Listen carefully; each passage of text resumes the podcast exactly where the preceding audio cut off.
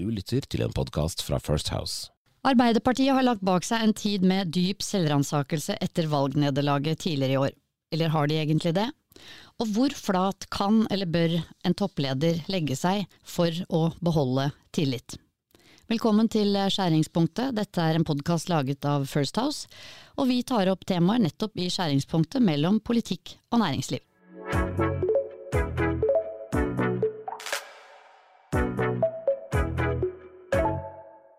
Mitt navn er Cecilie Ditlev Simonsen. Jeg er partner i First House, og det er de to andre her i studio også. Det er First House-kollega Sigbjørn Aanes. Hei, hei. Og Jon Georg Dale, Hei. som er blitt frisk etter mange uker med manflu. Hyggelig å se deg. Tusen takk. Det, jeg angrer allerede nå på at jeg kom tilbake igjen. Vi går rett til et av våre faste innslag, nemlig Ukens snakkis, siden sist. Og denne gangen skal vi snakke om noe det faktisk snakkes veldig lite om, nemlig budsjettforhandlingene i Stortinget. Hvorfor er det så lite oppmerksomhet om budsjettforhandlingene, Jon Georg? Ja, Det er nesten ikke til å fatte at det kan gå så stilt for seg som det gjør mellom forhandlingene som regjeringspartiene og SV sitter på på Stortinget nå.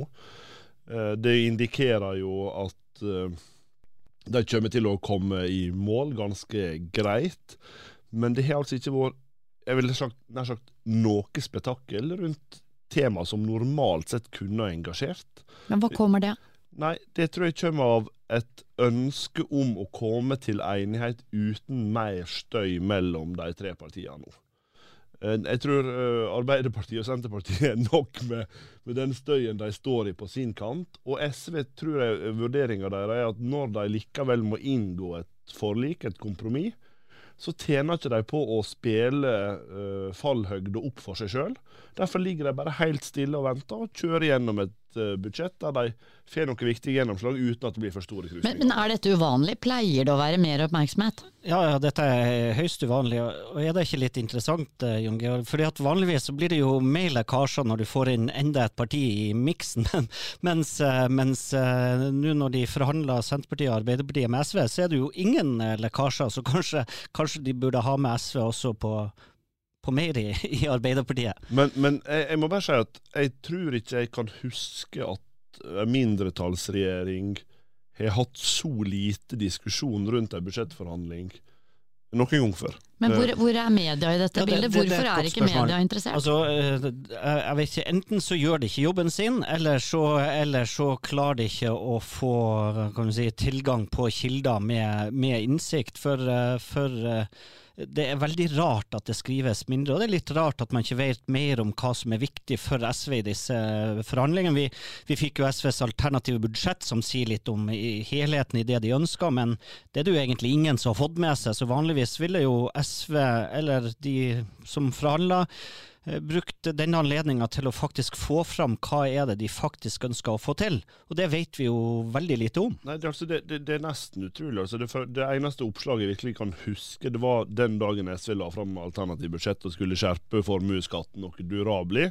Og Eigil Knutsen, som er sjefsforhandler for Arbeiderpartiet, bare avlyste det over en lav sko. Etter det er det vår helt stilt. For, for det handler jo litt om SVs profil også. ikke sant? De, de skal også dyrke sin profil, og så skal de forhandle med regjeringa, og så kommer man til et resultat til slutt. Men det resultatet får jo Senterpartiet og Arbeiderpartiet for så vidt også noe ære for, så, så derfor er det litt merkelig at SV ikke i større grad også får fram hva som er viktigst for de. Men, men, men ok, Jon Georg, hvis du hadde vært eh, kommentator, det er du jo egentlig da, nå, i podkasten vår, eh, men eh, hva, hva ville du lagt vekt på? Hva, ville- hva skulle det handlet om, hvis man skulle hatt mer oppmerksomhet om disse forhandlingene nå?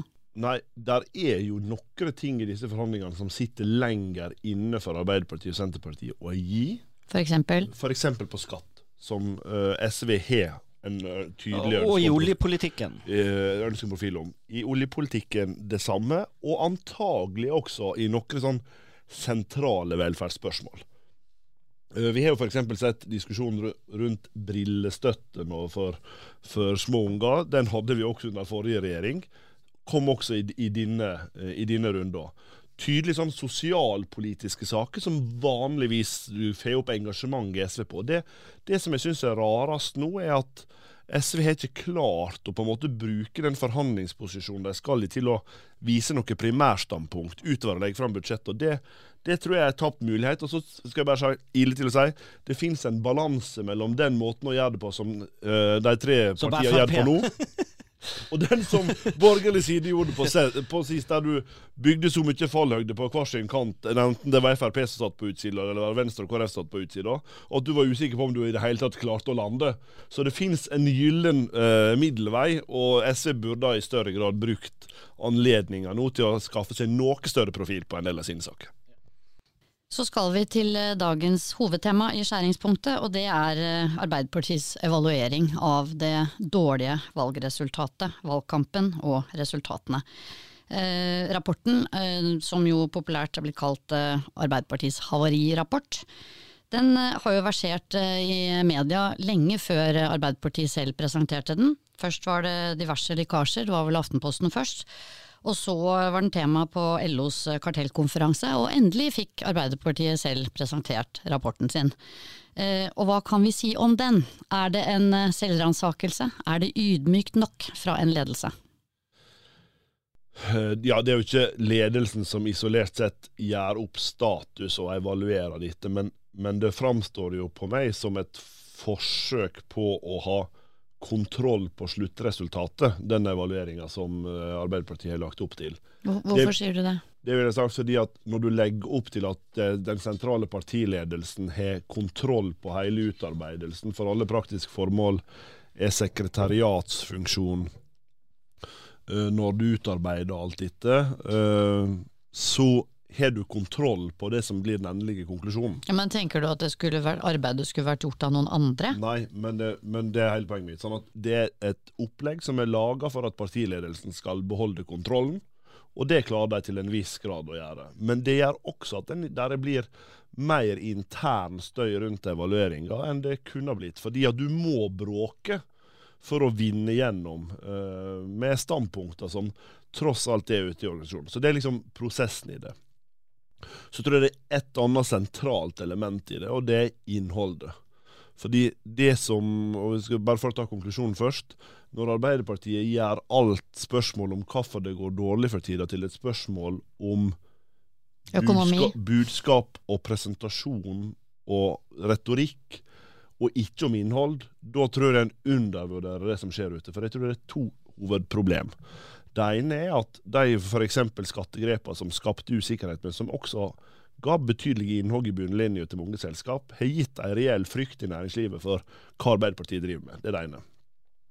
Det andre er at summen av prisvekst, renteoppgang og annet gjør at husholdningene, veldig mange av Arbeiderpartiets grunnfjell, faktisk har dårligere råd. Det er ikke retorikken som er problemet da, det er det at de faktisk Det er politikken, ikke retorikken. Ja, det er det at de faktisk opplever at de har det trangere. Og hvis du tror at du kan bortforklare det med bare retoriske grep, da tror jeg du går ordentlig på trynet litt lenger ned i veien. Før vi går til snakker snakke videre om innholdet, jeg har lyst til å spørre. Du sier ja, dette er eh, i regi av en partiledelse som ønsker og også greier å beholde en slags kontroll. Hvorfor skjer det lekkasjer fra et sånt arbeid til media? Hvorfor klarer de å ha et, en eh, budsjettforhandling uten lekkasjer? Jo, det er fordi at de har god indre disiplin. Eh, og når du får lekkasjer, så betyr det at du, du egentlig ikke har eh, Det er ikke tillit i alle leirer til det som skjer, og du har mangel på disiplin. Det, det, det er som det er i si, alle partier og i politikken generelt. Og det, det Jon Georg sier er, er veldig viktig. for det og det gjelder ikke bare Arbeiderpartiet, det har vi sett også med andre partier, når de har si, sånn evaluering etter dårlige valg, så er det fort kommunikasjon og innpakning. Og det at, ikke, det at du ikke er villig til å også se er det noe med det politikken vi har gjort, som har skapt disse problemene, ja, så tror jeg det er vanskeligere å gjenvinne også den tilliten. Eh, spesielt kanskje inn mot næringslivet, hvor, eh, hvor det nok er kall det tillitskrise mellom, mellom politikken og, og næringslivet. Dette blir jo selvfølgelig spekulasjon, men eh, jeg greier ikke å la være. Eh, Sigbjørn, du har jo vært eh, statssekretær og, og nær rådgiver for Erna Solberg i mange år.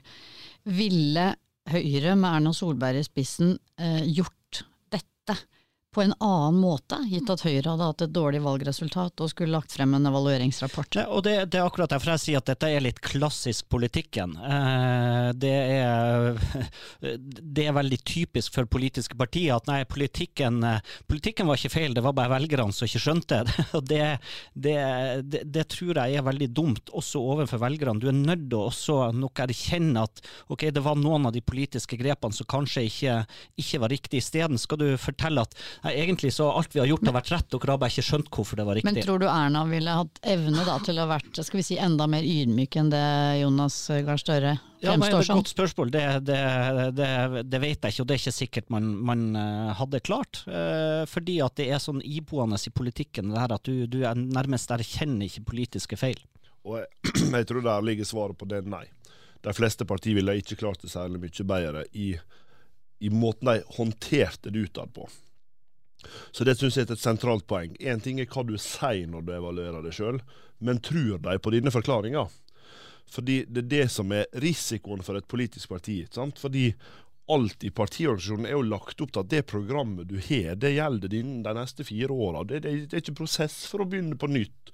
Og Du kan ikke ha en partiledelse som bare bytter ut partiprogrammet når det ikke passer lenger. Og Du har laget en regjeringsplattform så du har bundet opp til samarbeid på, på ting som ikke treffer tonen i samfunnet lenger. Og så skal, skal, du plutselig si det ut av det. Nei, men sorry, Mac, men vi bomma helt på tidsånden. Det er jo ingen som Feil program. Det er ingen, ja, det er ingen som tør Eller verden endrer seg faktisk så dramatisk at vi er også nødt til å gjøre justeringer. Men, det, det sitter mye lenger inne, tror jeg, å faktisk tørre å gå så langt som det. Og Derfor er det et viktig skille her.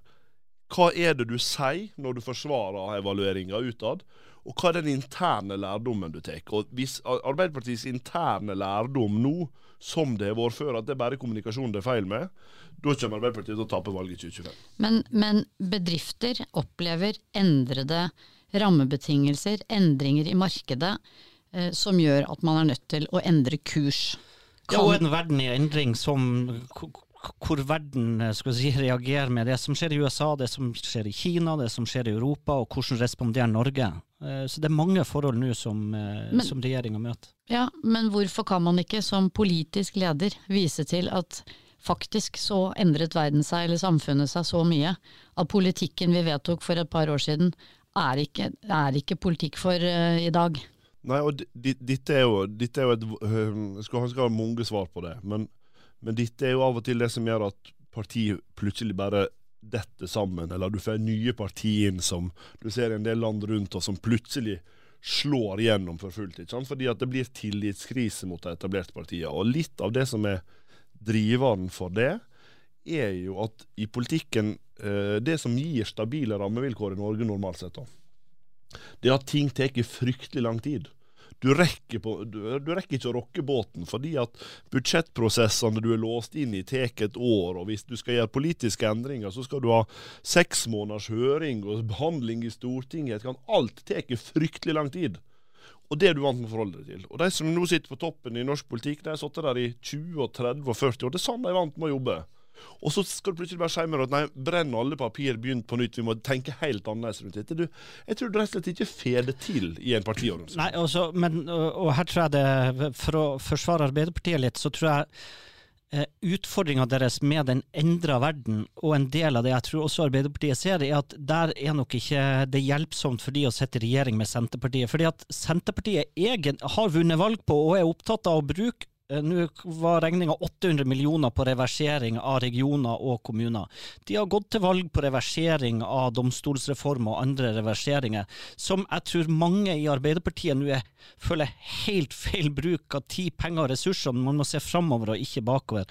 Så her tror jeg, jeg tror også det er vanskeligere for Arbeiderpartiet å, å, å snu seg rundt, også fordi at de sitter alene med, med Senterpartiet. Tror dere, vil Jonas Gahr Støre ha eh, større eller mindre tillit i egen partiorganisasjon etter denne evalueringsprosessen? Den tror jeg i utgangspunktet er uendra. Kritikken mot valgkampen er ikke primært på Jonas. Jeg tror Min vurdering er i hvert fall at Jonas gjorde en eh, gitt utfordringene Arbeiderpartiet sto i, ganske god valgkamp. og Jeg tror det er gjengs holdning i Arbeiderpartiet. og de, de, ser ingen alternativ til noe heller. Uh, og det gjør at jeg tror ikke Jonas' posisjon som følge av denne eh, evalueringsrapporten er, er vesentlig endra. Men jeg syns det er ett sentralt eh, element som er verdt å ha med seg. og det er at når Jan Christian Vestre for eksempel, nå er ute og sier at liksom vi må snakke annerledes om bedriftsledere så, øh, og bedrifter og lignende det i, Jeg hører i bunn og grunn i det en erkjennelse av at det ikke bare er retorikken som er poenget. Men du, hvis du skal snakke pent om bedriftsledere, så må du kanskje ikke rokke båten for dem for mye heller. Sånn at det som jeg tror skjer nå Kan han ikke bare si det, da? Jo, men jeg tror, det, jeg tror det er i ferd med å være et gap i Arbeiderpartiet mellom det de sier utad i evalueringa si, som handler om retorikk, og en sjølerkjennelse internt i Arbeiderpartiet om at på noen områder så ble det første budsjettet deres uh, veldig krevende. Og de klarte ikke å komme opp med et fullgodt svar som ga gjenklang i befolkninga når renta begynte, å stige. Da sa de at staten måtte holde igjen. Nå ser vi at både i retorikk og i politikk har de endra seg. Så både har de sagt at nei, nå er det viktigst å stoppe at vi får en vekst i arbeidsledigheten. På den andre siden så ser vi at de bruker penger på en helt annen måte enn de gjorde i det første budsjettet. og Det er en indikasjon på at det er en større politisk forståelse for at også det politiske prosjektet må justere litt kurs. Ja, øh, og det, det, er nok, det, er nok, riktig, men allikevel så, så Vestre sier at nå skal vi endre retorikken, vi skal snakke finere, angripe venstresida. Men allikevel så, så, sier han også at uh, det er ingenting med politikken som er galt, den skal ikke endres. Vi må ha større selvtillit på politikken vår. Og, og, og, og jeg, jeg, tror ikke nødvendigvis det hjelper fram i næringslivet. Der tror jeg man må se endringer hvis man også skal skape den tilliten. Men dette med å ta selvkritikk, eh, eller lure på hvor mye selvkritikk man skal ta, det er jo et tema som vi diskuterer med mange av våre kunder, eh, ledere i norske bedrifter hver eneste dag. Eh, og det er sikkert ikke noe fasitsvar, men, men liksom, hvor, hvor ydmyk kan en toppleder være? Hvor mye selvkritikk kan man ta uten å miste tillit, uten å liksom eh, ende opp som, som svekket leder? Du må i hvert fall øh, håndtere det på en måte som gjør at du beholder autoriteten din, eller kommer ut av det med styrke autoritet i måten du gjør det på, nesten uansett, hvis du skal fortsette. Kan man gjøre det ved å være veldig ydmyk, det ta ansvar? Du, det kan du gjøre med å gå veldig langt, eller du kan gjøre det med å finne en fornuftig balanse. Og Det handler litt om hvordan organisasjonen for øvrig ser på deg. og det, det Da er jeg litt tilbake igjen til der min evaluering av Jonas Gahr Støre var eh, i denne valgkampen. Jeg opplever ikke at Arbeiderpartikretser snakker om at det var han som var hovedproblemet. Det var andre ting. Dermed, hvis han går for langt i å påta seg det ansvaret, som man kanskje ikke mange i organisasjonen heller fullt og helt opplever at han hadde, så kan han svekke seg med det også. Altså Han kan jo ikke bli ei sånn piska bikkje som springer rundt og beklager seg til alle, hvis det ikke er han som hadde ansvaret. Mens hvis, det, hvis, opplevelsen var at det var Jonas på topp som var hovedproblemet i denne valgkampen, så måtte dette sett annerledes ut. Vi er liksom hovedoppsummering. Men, men nå er vi på, på noe som jeg syns er interessant, og vi, vi, har jo bare lest det som står i media om, om rapporten. Men, men, det er at altså, nedgangen til Arbeiderpartiet starta ikke i 2023 eh, eller i 2022. Den har pågått kontinuerlig ganske lenge. Eh, sånn at her er det jo noe mer grunnleggende. Så det er klart at for, for Arbeiderpartiet å bare bli nest største parti i seg sjøl er, er, et nederlag. Eh, sånn at, sånn at, her er jo noe, noe, helt annet og grunnleggende. Så det har vært konflikt lenge. Altså det, det, vi ser det jo nå, altså selv hva som skjer i Høyre eller andre partier, de, de klarer på en måte å ta, ta over kriseagendaen åkke som uansett. Eh, så, så, så det stikker nå litt dypere enn en bare retorikk og en valgkamp. Og en ting som er verdt å merke seg da, det er at en del av evalueringa til Arbeiderpartiet i de største byene er at de gjorde en strategisk bommert når de forlot den mer enn ti år gamle planen om å beholde makta i storbyene, når de i 2017 begynte å nærme seg Senterpartiet retorikk for å kunne sitte i regjering med Senterpartiet fra 2021. Fordi det som en har sett i Arbeiderpartiet i mange områder, er jo ei glidning i mer sånn klassisk distriktspolitisk partiprofilretning som ikke treffer like godt i de store byene. Og det er klart at det som også er interessant å følge med Så ikke bare har de feil politikk, men har feil partner? Ja, men jeg tror også at det at de har faktisk har tatt et annet strategisk valg på politisk linje, er jo noe av det som gir denne, gir denne ekstreme dynamikken internt i Arbeiderpartiet. For de er ikke helt enige om hva som er problemene. For en del som sitter på Tynset eller andre plasser i Distrikts-Norge, kan jo oppleve at de for første gang blir hørt av partiet. Mens de som bor i de befolkningstette områdene opplever at de har mista øret til partiledelsen. Og Det gjør at du får en intern dynamikk her også, som gjør at ikke alle begynner å dra i lag. Og det er jo livsfarlig for et politisk parti. Men nå skal det sies at det ikke, man misunner ikke Jonas Gahr Støre. Arbeiderpartiet er det vanskeligste partiet å lede, uh, uten sammenligning. Uh, Det, det i kan vi jo se bare å følge med på makta på Ja da, NRK. Men det har nok alltid vært sånn, og det er fremdeles sånn. Selv om de ikke er der de var på, på, sitt, eh, på sitt største, så, så er dette et eh, krevende parti. og Du skal, du skal holde mange, skal si, mange motsetninger sammen, og, og mange uenigheter skal eh, du få i hop. Så det, så det Det er ikke en lett vanskeligere å lede er. Arbeiderpartiet enn andre partier. Ja. Ja, og du, og du, skal, du skal se også ditt i sammenheng med det som skjer i fagbevegelsen. ikke sant? Så var et av spørsmålene på LOs kartellkonferanse, som du viste til innledningsvis. Stadig færre av, av de sentrale tillitsvalgte i fagorganisasjonene stemmer Arbeiderpartiet. Det betyr at tyngdepunktet ditt blir utflytta. Det er det ene. Det andre er at når, S, når Rødt ble store og legger seg på venstre flanke, og SV tetter gapet, så føler Arbeiderpartiet at de må tette gapet den ene veien. Uh, og veldig mange i Arbeiderpartiet er enig i det. Mens en del andre i Arbeiderpartiet er jo redd for at kampen om lilla-velgerne da går tapt. De som kan gå over blokka, som i dette valget i mange tilfeller gikk til Høyre. Og da, da blir ikke du helt enig om hva som skal være profilen heller. Så det er ikke bare at du blir uenig om retorikken, men du veit ikke helt hva vei du skal gå. Og da blir det jo ikke så rart for alle utenforstående at det blir framstår litt utydelig hva som egentlig er planen. Og så er det noen utfordringer fremover. Nå ser vi, eh, vi ser at helsepolitikk er på full vei inn på dagsordenen igjen. Eh, Det er flere ting som gjør det. For det første så er det stadig flere saker om økt helsekø og økt ventetid. Det er en, kan du si, en gammel sak som var stor ti år tilbake i tid, som er i ferd med å komme tilbake på dagsordenen. Men det som kommer til å kunne skape størst utfordringer, det er sykehusstruktur fremover. Og der, der så vi denne uka eh, Senterpartileder Vedum reise opp til Lofoten, hvor eh, sykehuset er nedleggingstrua, for å si det sånn. Eh, og det virka ikke som det var full jubel internt i regjeringa for den håndteringa. For nå sier de i Lofoten at de, det er vanskelig å få dialog med, med Kjerkol, mens Vedum han kommer på besøk. Og, og helsepolitikk er ikke det eneste. Vi har ofte vært innom energipolitikken, at den er krevende for denne regjeringa. Og og vi vet at i 25 så skal man eh, fornye eventuelt eh, to kabler til, til Skagerrak, altså til, da, til Danmark, og, og det kommer til å bli et sjøslag både internt i Arbeiderpartiet, men ikke minst i regjeringa. Så om det er stille i budsjettforhandlingene mellom regjeringen og SV, så kommer det ikke til å bli stille i det indre liv eh, i eh, regjeringen mellom Arbeiderpartiet og Senterpartiet. Det er det dere sier. Det blir eh, full gass på eh, full, blø, full fyr i lampene der eh, de neste åra. Ja. Det er artig for oss, da. Da kommer vi til lytternes yndlingsinnslag, og det er ukens hodepine. Og det er stort sett Sigbjørn som har mest vondt i hodet. Og jeg kan bare se på mine to kolleger her at det er Sigbjørn som vinner i dag også. Bare Ja. kom med det. Jo, men, men nå er vi i slutten av november, går inn i desember, hvor alle finner ut samtidig at vi skal ha avslutning for alt mulig rart vi driver med. Du klaget over dette ha- før sommeren Vi skal ha juleavslutning på jobb, eller julebord kaller de det.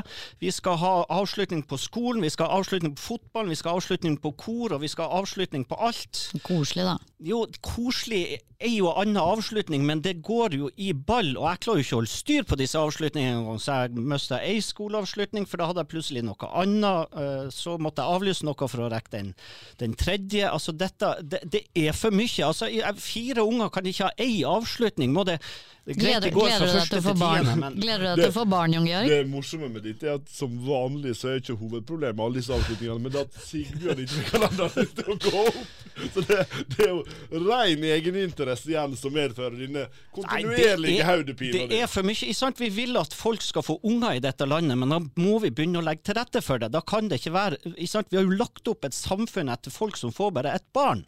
For det er avslutning. Ett barn har så Altså- masse avslutning. Hvis du har fire, det går ikke i hop.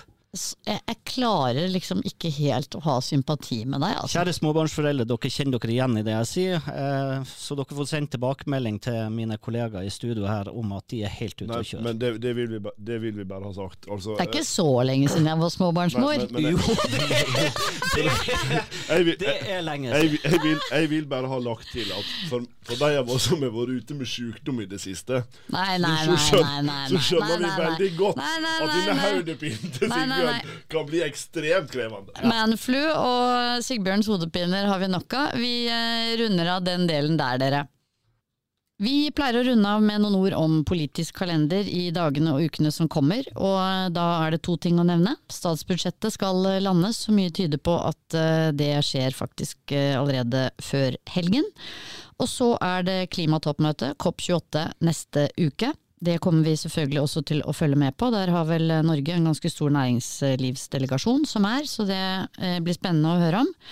Og så er det på tide å gå inn for landing, og takke alle dere som eh, hørte på oss. Del gjerne skjæringspunktet med andre.